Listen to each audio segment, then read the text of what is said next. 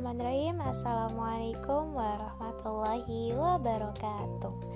Halo teman-teman, gimana kabarnya nih? Kuliah online via suara yang keseka, kesekian kalinya.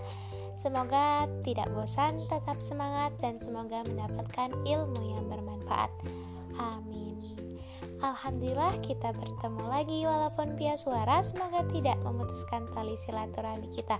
Bertemu lagi dengan saya Nita Raspinia Dengan NIM 1903452 Pendidikan Kewarganegaraan Universitas Pendidikan Indonesia.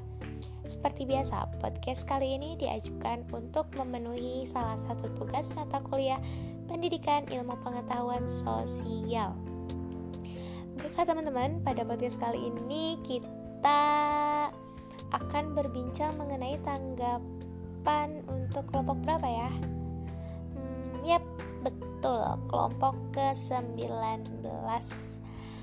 Baiklah, di kelompok 19 ini beranggotakan saudara Anggi dan saudara Nida. Saya apresiasi karena penyampaian yang disampaikan oleh tim penyaji dari segi podcast maupun salindia menurut saya sudah cukup bagus. Dari podcast untuk saudara Anggi pun sudah sangat interaktif dan sudah sangat menarik. Begitu juga intonasinya menurut saya sudah seakan-akan saya ingin mendengarkan sampai akhir dari podcastnya. Untuk saudara Nida pun sudah cukup bagus menurut saya.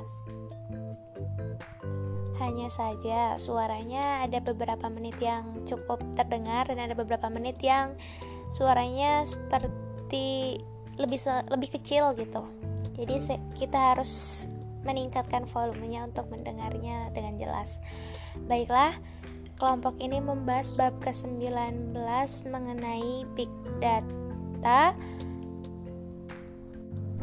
Dari penampilan Salindia sudah cukup menarik. Akan tetapi menurut saya di dalam Salindia atau PowerPoint itu alangkah lebih baiknya apabila kita hanya menulis inti-intinya saja beberapa kata kalimat misalnya tapi di sini hampir semuanya berisi tentang tulisan-tulisan semua.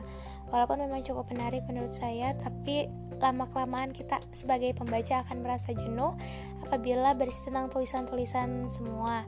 Dan juga langkah lebih baiknya untuk memerhatikan tanda baca di akhir kalimat seperti pada slide ketiga. Di akhir kalimat tidak ada tanda bacanya. Lalu, dari segi materi yang menurut saya paling menarik adalah mengenai circle karena circle ini membahas atau merupakan pusat informasi dan penelitian tentang pembelajaran dan keterlibatan masyarakat melakukan penelitian pendidikan kewarganegaraan di sekolah. Tentu saja menarik karena saya merupakan salah satu mahasiswa dari jurusan pendidikan kewarganegaraan. Oke, baiklah. Terima kasih kepada tim penyaji yang telah memberikan wawasan kepada kita selaku pendengar sehingga kita mendapatkan pengetahuan yang baru.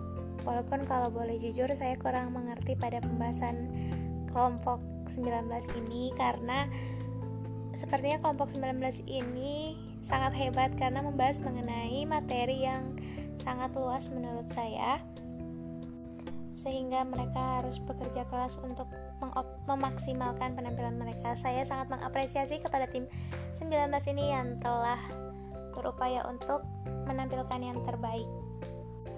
Baiklah, izinkan saya untuk mengajukan pertanyaan kepada tim penyaji yang sepertinya saya kurang paham pada slide ke terakhir dalam penampilan Salindia yaitu mengenai pikiran penutup.